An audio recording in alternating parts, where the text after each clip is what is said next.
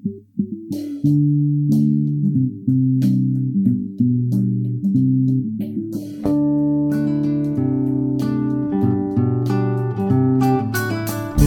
oddaja mladina je zate, novice resnice same bogate. Če nimaš nas časa, da bi skočil na net, poslušaj nas, kaj je noga na svet. Od zdrave do zgoje in malce politike, ljubezen šport in kako boste vidke, kako je med vozi, kako je v naravi. Povejo skavti v prvi postavi, da boste vrednota, da treba je živeti. Tebi in drugim bo lepši ta svet, zajemi srce z najboljšega vira, naša frekvenca je prava izbira. Mladoskop. Mladoskop. Mladoskop. Mladoskop. Z nami je Tilen Čebul. Prijazen pozdrav, Tilen. Dober dan. Mednarodno je kar zaposlen, kajti je del sinode. Del sinode smo lahko vsi, celotno občestvo, pa morda samo za uvod, da poveva, torej poslušujoča crkva je nek osebinski poudarek sinode 2021 do 2023 za dvoletni časovni proces. Gre sinoda, kaj predstavlja, kaj pomeni, kaj je zaobjeto pod sinodo. Morda je za koga to precej arhajična beseda in se kakšnemu posamezniku zdi, da s tem se pa ukvarjajo papež in pa ob njem najožji. Tako. Tudi moje razumevanje samega pojma sinoda, sinodalna crkva, se zdaj v teh zadnjih letih, ko stvar spremljam, tudi mogoče malce bolj odblizu, spreminja, nadgrajuje se mi zdi. Sinoda načeloma naj bi pomenilo zelo preprosto beseda, izhaja iz grščine, hoditi skupaj. Torej, pač, ko govorimo o sinodalni cerkvi, govorimo o cerkvi, ki bi znala hoditi skupaj, torej tako znotraj občestva cerkve same. Drugi element je pa tudi potem cerkev, ki hodi pa s svetom, ki spremlja tudi, vem, znamenja časov, ki se pojavljajo. Zdaj sinoda, kako se je spremenila v teh zadnjih letih, vsaj kolikor jaz spremljam zadevo.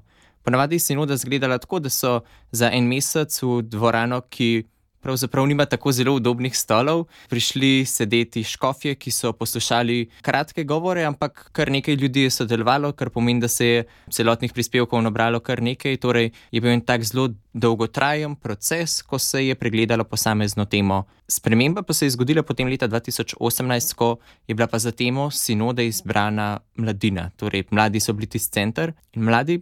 Ko smo pač spremljali celotno to dogajanje, smo rekli, da želimo biti tudi na nek način vključeni, ne zgolj kot tema, o kateri se govori, ampak kot tudi sodelujoči, da pač je naš glas tudi tam za mizo slišan. In s tem se je potem začel nek nov premislek o sinodi, o sinodalnosti, kako bi crkva res ne zgolj z mladimi, ampak z vsemi krščenimi, kot reče papež, krst je tista osebna izkaznica, ki jo potrebujemo, ki potem nam da neko veljavo, da začnemo govoriti o crkvi, začnemo razmišljati, povemo, kje imamo mi v naših župnijah, v naših skupinah izkušnjo hoje skupaj. Kje smo že tukaj le dobri, kje so tisti uspehi, kje so pa mogoče še neke uvire, neke rane, ki jih moramo pa zdaj ravno v tem času s to sinodo sprva ozavestiti, pa, pa tudi preveriti, kaj je mogoče pa tisto korak, ki ga pa jaz konkretno lahko naredim, da bi pomagal pri tej skupni hoji. Tilen Čebul, uvodoma sva razložila, kaj sinoda sploh je in zakaj smo vključeni tokrat prav vsi, ki smo del cerkve. Sicer Tilen v mednarodno posvetovalnem telesu, kako ste sploh prišli, da ste v njem prav vi, kako številčno ste zastopani, odkot vse? Spet je to sad sinode o mladih, ko se je sklepni dokument zapisalo, da bi bilo dobro, če bi tudi na mednarodni ravni, torej v Vatikanu, obstajalo neko telo, kjer bi bili pa zbrani mladi z vseh koncev sveta. Tako da so se potem odločili, da bodo osnovali telo 20 mladih, res so skušali zajeti celotno zemljsko oblot. Tako da smo tam zdaj predstavniki iz Japonske, Južne Afrike, kolega iz Zambije, iz Kanade, iz Čila, zelo mednarodna skupnost. Je bilo to naše sodelovanje v okviru Sinode tudi naš prvi stik v živo, torej da smo se lahko kot člani tega telesa usedli, zbrali skupaj. Osnovna ideja je pač čisto da tudi Vatikan, ko recimo se ali zdaj razpravlja o mladih, recimo, ko pa pač napiše to svojo poslanico mladim, ki jo vsako leto ob svetovnem dnevu mladim pošle, ali pa ob kakšnih drugih stvarih, da smo lahko nek organ, na katerega se oprejo, katerega vprašajo za mnenje, oziroma tudi zdaj smo bili povabljeni na sinodo. Um, zaradi tega, ker smo sami imeli zelo pozitivno izkušnjo tega, ker imamo tudi sami neko predstavo in gorečo željo, da bi se, tako kot sva omenila, že preselili na celotno crkvo, da bi vsi imeli res to izkušnjo biti skupaj, delati z enim ciljem. Um, Ker smo prišli skupaj, mislim, da je bilo čudovito. Ampak hkrati res, ko vidiš to pestrost karakterjev, kako je neka ta latinoameriška duša čist drugačna, glasnejša, bolj živa kot pa mogoče kakšna ta uh, evropejci, ki smo tako malo zadržano še spremljali celotno dogajanje. Ampak tako, kako se skupaj potem res drug od drugega lahko učimo, kako se drug od drugega lahko obogatimo. Meni ena podoba, ki mi je v teh dneh prihajala pred oči, so bili rupnikovi mozaiki sestavljeni iz tisočev kamenčkov, različnih oblik, različnih barv, vsak zase morda izstopajoč, pa dragocen sam po sebi, ampak ko pa skupaj vidiš res to celotno podobo, ki se ustvarja, pa ugotoviš, da je naša crkva nekaj čudovitega, da jo res sestavljamo posamezniki, ki smo prekrasni. Se mi zdi dragoceno še nekaj, da se o sinodi lahko pogovarjamo v slovenskem jeziku. Biti izbran v 20-članski zbor posvetovalne skupine je velik uspeh. Meni se zdi to izjemno. Ja, tudi jaz sem bil grozno presenečen. Jaz sem dobil nek pač četrtek, ki je bil nič posebnega in dobim v svoj uh, poštni nabiralnik sporočilo s priponko s podpisom uh, kardinala nekaj, kar pač ni običajno za moje četrtke. Tako da sem bil tako presenečen. Sprva sem bil prepričan, da se je to zgodila neka pomota. Potem sem šel parkrat prebrati ta dokument, ugotovil, da je tam konkretno napisano Tilan Čebul. Ne vem, še, še danes, še potem, no, ko sem bil že del tega procesa, se mi zdi vse tako nerealno, zaradi tega, ker res ne vem. Pa tako, jaz sem se, torej, kako se je sama stvar zgodila, kako se mi zdi, da sem jaz dobil to svoje mesto. Upam, no, moja globoka želja je, da mi v sveti duh prste tukaj zraven vmes. Torej, po sinodi o mladih smo se zbrali predstavniki eh, škofovskih konferenc, torej mladi, ki smo bili strani škofovskih konferenc poslani v Rim, eh, na forumu, da se je preverilo, kako se pač sinoda sedaj prevaja v neke te lokalne kontekste. Um, in tam so nas potem uh, sodelavce pisarne za mladih, znotraj dikasterija za lajke, družino in življenje, malo opazovali, malo spremljali. Ampak spet tukaj me je presenetilo, ker sem bil jaz tudi na tem dogodku zelo zadržan, nikoli nisem tako nastopil pred celotno dvorano, tako zelo sem pozorno spremljal, pozorno zapisoval in beležil, kaj se je dogajalo. Tudi v meni se je to res bil en tak grozen premik naprej, ker sem se zavedal, da dejansko tudi če sem mlad, tudi če sem neizkušen, tudi če marsikaterih stvari nimam razjasnjenih, tudi če prav nimam nobene teološke izobrazbe in tako dalje, da, da je želja in da tudi pač konec koncev, zakaj gre? Zato, da pač sveti duh, tisti, ki deluje tako v papežu Frančišku, tako v škofih, deluje tudi v meni, deluje v moji življenjski realnosti, mi govori kot eh, študentu razrednega pouka, ki ima letos absolventa, ki ima eh, dva šihta, ki jih težko uskladi, ki je aktiven pri eh, mladinski pastorali.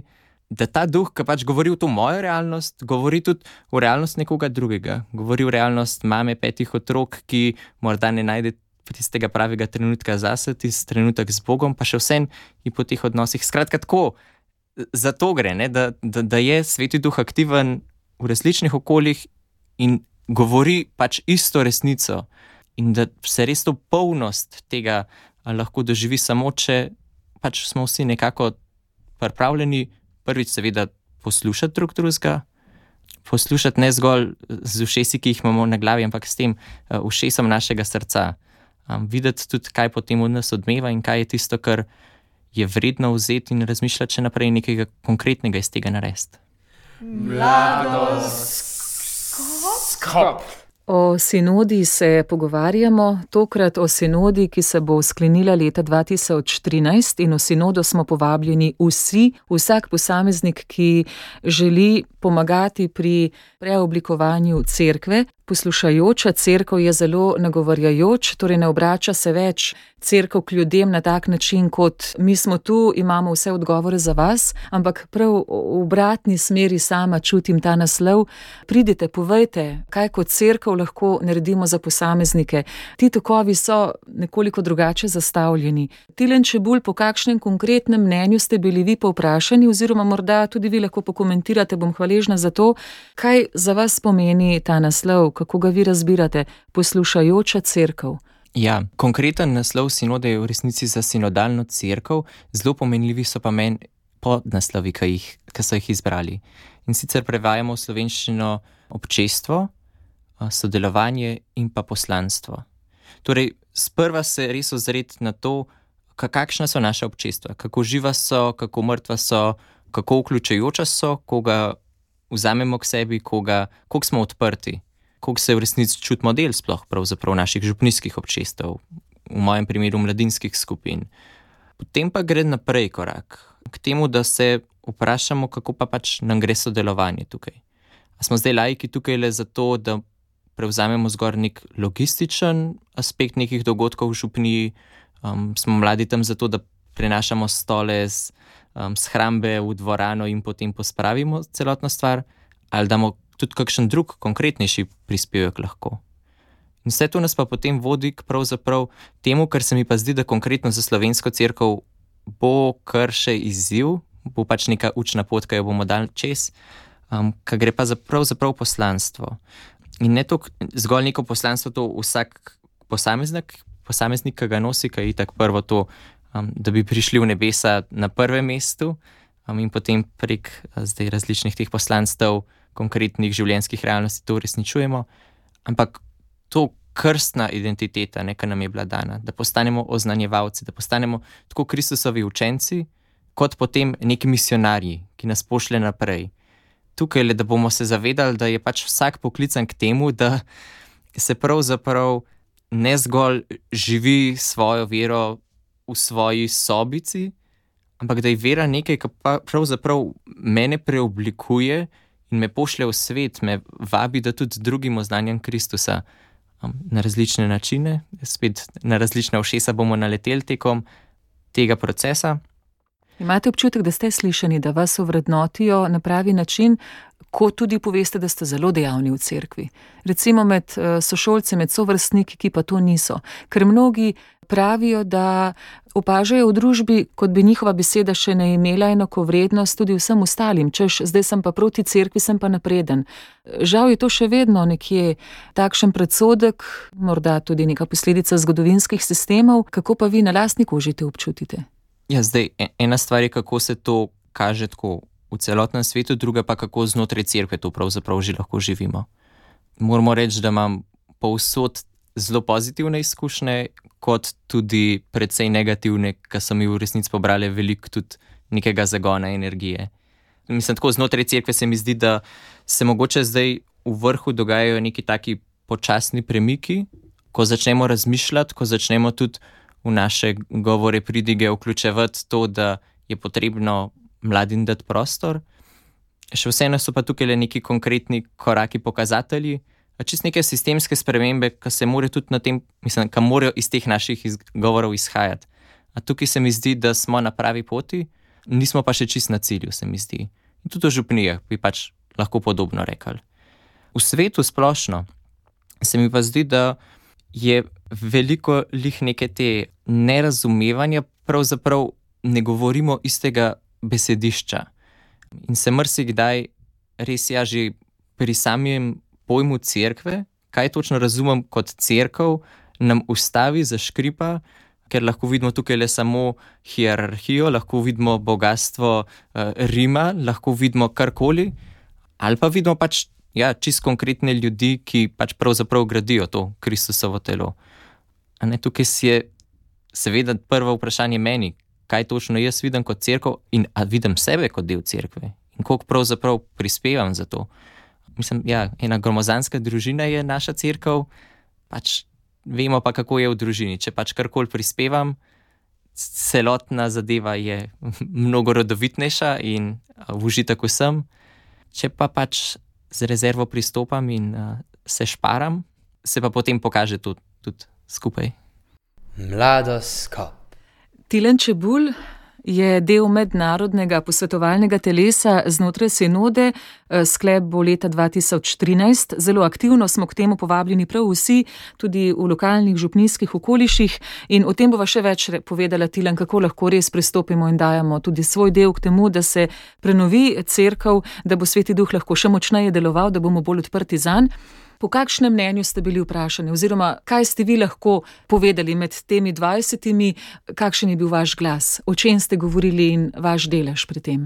Ja, je bilo to naše prvo srečanje v živo, zdaj dve leti smo se preko Zuma tudi mi srečevali, razmišljali, kaj konkretno bi lahko tudi mi storili um, v službi pač širši mednarodni skupnosti. Gotovo je bila pa tudi to povabilo, da v okviru sinode sedaj sodelujemo, za nas je ena velika čast. In hkrati izzivne, ker smo mogli ugotoviti ne zgolj, kaj jaz, Tilen, nek slovenec prinašam k mizi, ampak kako lahko zdaj, ko, bomo, ko smo v okviru sinode sodelovali pri raznih posvetih, prinašamo kot glas mladih. To pomeni, da smo že mi bili najprej postavljeni pred izziv, ali se bomo znotraj teh nas 20 uspeli slišati, izluščati neke teme, ki jih mi vidimo kot pomembne, kot neke izzive, ki jih vidimo, da se bo crkva v prihodnih letih mogla soočati z njimi. Uh mhm. -huh. In zdaj je že tule klicaj. Tako. Kaj lahko rečemo v zaključku? Ste, do kakšnih ugotovitev ste prišli?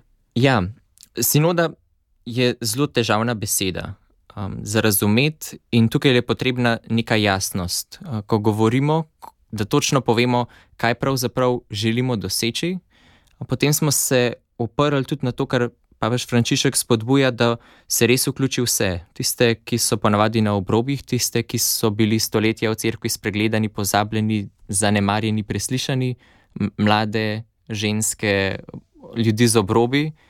Potem smo se zauzeli tudi to, da se tega procesa vsi lotimo z neko odprtostjo. Odprtostjo prvo, seveda, svetemu duhu, da vidimo, kaj on govori v naša življenja, potem pa tudi odprtost, konec koncev, za spremembe, za neke konkretne korake. To zdaj, da bomo samo govorili o soodgovornosti, da bomo samo govorili o nekem protagonizmu, da seveda pač um, spodbuja, opogumlja, ampak konec koncev pa more celoten ta proces imeti neke konkretne korake, um, ki bodo pač podprli ja, na koncu življenja v teh naših skupinah.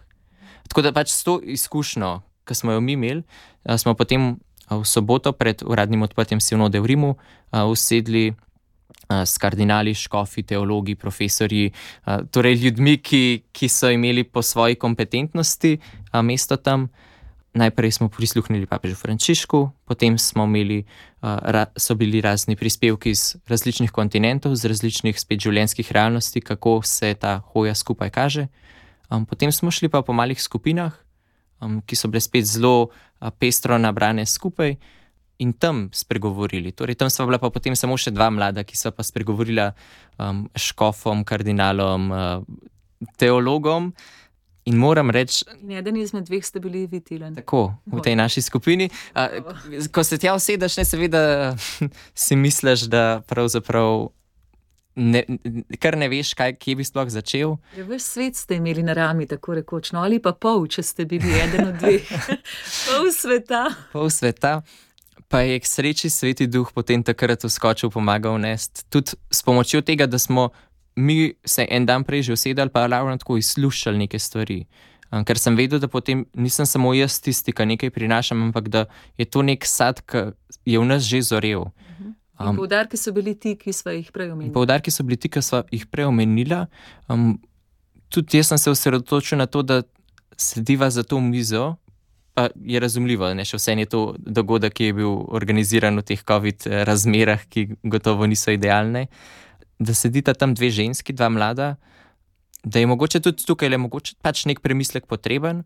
Ampak tako, strahom sem šel tja in strahom sem spregovoril, zaradi tega, ker nisem vedel, pravzaprav, ali bom preslišan, ali bojo moje besede spet naletele na prazna ušesa, ali bo to pač samo neka fasada, ki jo bomo pač dali, o, mladi so bili tudi del sinode, ali bojo dejansko pripravljeni tudi prisluhati in moje, moj prispevek nekako uštet v celotno to zadevo. In res večina od, od 20, ki smo sodelovali, je imela 19 pozitivno izkušnjo.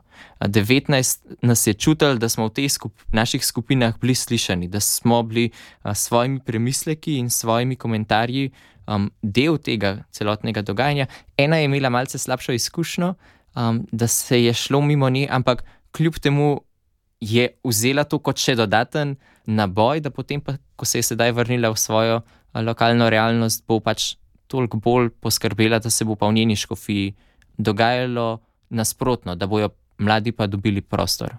Mladoskop. Deset minut imamo še, da skleneva in Tilen Čebulj, pogovarjava se o sinodi, ste del mednarodnega posvetovalnega telesa, torej zelo blizu preoblikovalnim sklepom, lahko rečeva. Dolžna sva še odgovoriti na vprašanje, kako sem lahko jaz kot neznaten del cerkve vendarle tudi vključen v to prenovo. Me pa zanima, kaj vas je presenetilo. Ali so te razlike po kontinentih res tako, tako velike, da so tudi potrebe znotraj teh crkva, teh lokalnejših, tako drugačne, da se bomo težko slišali in težko poenotili poslanstvo cerkve v prihodnjih stoletjih? Se mi zdi, če, če konkretno jaz pogledam za našo ljubljansko načkofijo, že tukaj le vidimo razlike. Vidimo drugačne načine delovanja mestnih župni, podeželskih župni, od župnije do župnije se stvar razlikuje, in že tukaj le um, bo težko najti nek skupni jezik. A, tako da izziv, ki je pred nami, je gromozanski. Seveda, crkva v Afriki potrebuje drugačne stvari cerkev kot v Afriki, recimo, ima druge Evropi, prioritete. Ja. Ja. Francija je povsem sekularizirana. Tako. In tudi se je to kazalo z teh naših pogovorov, ki smo jih potem tudi mi med sabo imeli.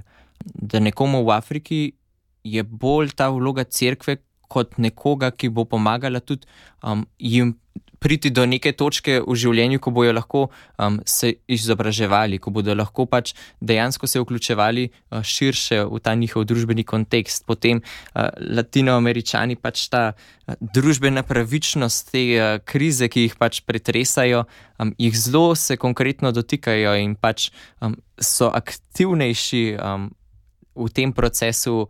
Um, preoblikovanje družbe res v neko pravičnejšo družbo. Kaj pa Evropa?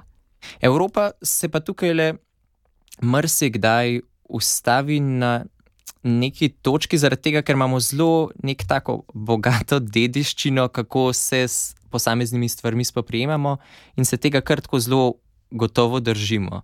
Um, kar pomeni, da pač velikrat na neko težavo, ki se pojavlja, odgovarjamo na enak način, ponavljamo to, pa zelo radi smo tako um, v nekih obrazcih, vzorcih, uh, načrtih. Um, in potem tukaj le mogoče je ta ravno pustiti svetemu duhu, da zapremo zvezke, da pospravimo papirje um, in vidimo pač čistko. Kaj nam sveti duh človeku. danes govori? Ja, Ja. Točno to, samo človek človeku. Uh, Sej zato pa je eden od poudarkov približati uh, crkv, crkv, ki je bližja, preprosto, ki samo vidi življenje. Tako. Ne gre to, kot je potem tudi papež povzel, da bomo delali drugačno, cer drugo crkvo, ampak da pa bo ta crkva, ki bo išla iz tega drugačna v posameznih vidikih. Um, zelo zanimivo je tukaj le se vprašati, če je naslov sinode za sinodalno crkvo. V kakšni cerkvi smo potem trenutno zdaj? In kaj točno je tisto, kar nas žene, da bi pa si želeli skupaj hoditi. In zato se mi zdi zelo pomembno, ja, da če se kdo počuti, da ima nekaj v tem kontekstu zapovedati, tudi če v vseh teh kontekstih, ki se bojo na škofiji zastavili in povabili ljudi, da sodelujejo, če bo kdo spregledan. Naj kliče, naj piše, naj uh, se aktivira. Mislim, tukaj le je res odgovornost na posamezniku, ki prepozna, da, da ga sveti duh kliče, da pač nekaj spregovori, da nekaj pove. Tukaj le pač ni čas za tišino, ampak da se pač začutiš in odgovoriš, da imaš ta pogum, da Mhm. pač poveš to, kar, kar, kar te žene. Dobro, konkretno smo bili povabljeni, Tilen, kam bi pa svetovali, komu pisati, domačemu župniku, krškofu ali morda vam, komu? Ja, Jaz bi bil z veseljem eh, odprt tudi za vsa sporočila, ker se mi zdi, mislim, tako. Ja, konec koncev smo vsi a, del istega čovna, kot reče Franči, papež Frančišek veliko krat. Postopno bi jaz začel. Če sem navaden, da v domači župni veliko krat naletim na gluha ušesa, poskusim mogoče kje drugje, kje, ki vem, da bom slišan. Um, da se mogoče tudi stvari malo prečistijo, potem pa grem naprej. Vsaka škofija ima neke predstavnike za sinodo, kateri kontakti bodo tudi zagotovo dostopni na spletu. Um, tudi škofu se mi zdi, da je konec koncev pa upravičeno pisati. Sej razumem, da dobivajo teh sporočil že ogromno, ampak tudi sam imam v načrtu, da bi se enkrat z našim načkofom um, usedel, pa lahko sploh ne rab nekega formalnega sestanka. Um, že sprehod in to, da pač se slišiva drug drugega, kaj je najna izkušnja, kam bi želela iti, bi bilo dragoceno. Ne? Pač tako, zelo veliko krat potem eh, stvari zakompliciramo in želimo eh, ne vem, kakšne odgovore, ki pa mogoče včasih kava že čisto dovolj. Mladoskop. Ko gledamo duhovnike, vedno znova prepoznavamo znotraj njihovih vrst nekatere, ki to sinodo živijo, ki preizkušajo, ki iščejo nove poti, odgovarjajo na duh tega časa, ga ne sodijo, ampak preprosto uporabijo določena urodja, ki so danes med ljudmi in videvamo njihove rezultate. Čeprav morda komu ta pot ni všeč, bi raje evangeliziral, bil v pastorali po drugačnih njemu, morda bolj poznanih poteh.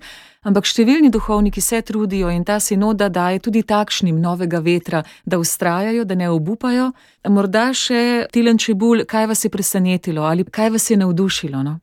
Ja, jaz predno sem se udeležil sinode, sem nekaj dni um, preživel v Rimu, seveda mesto, ki ima veliko za pokazati. In sem se srečal tudi s parimi um, prijatelji, ki so v Rimu.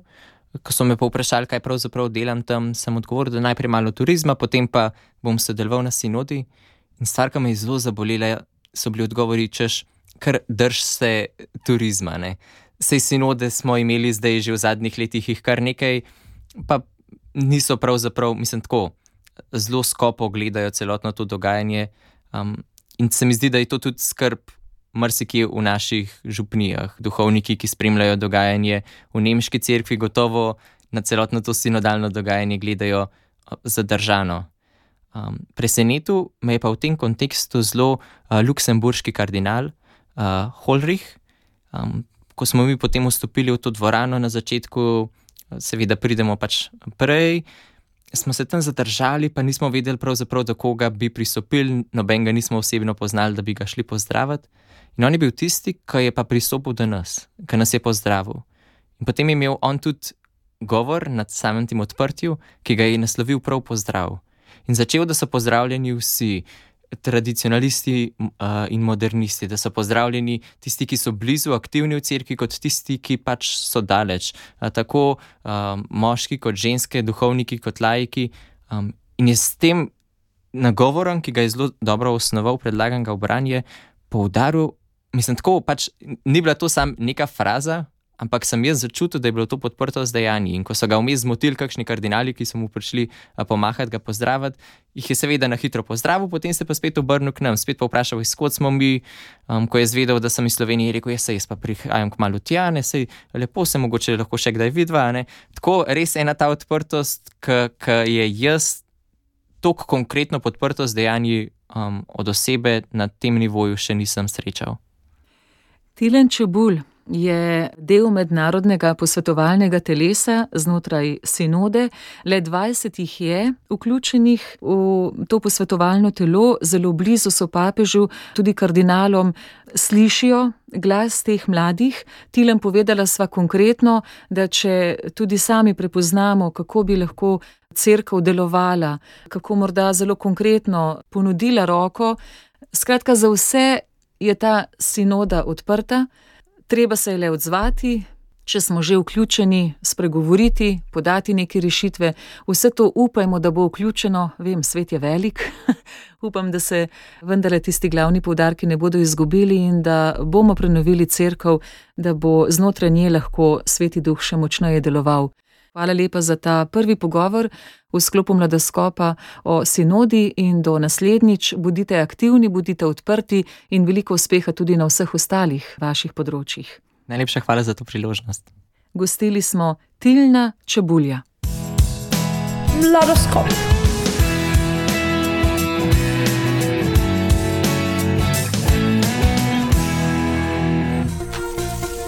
Na dostna frekvenca.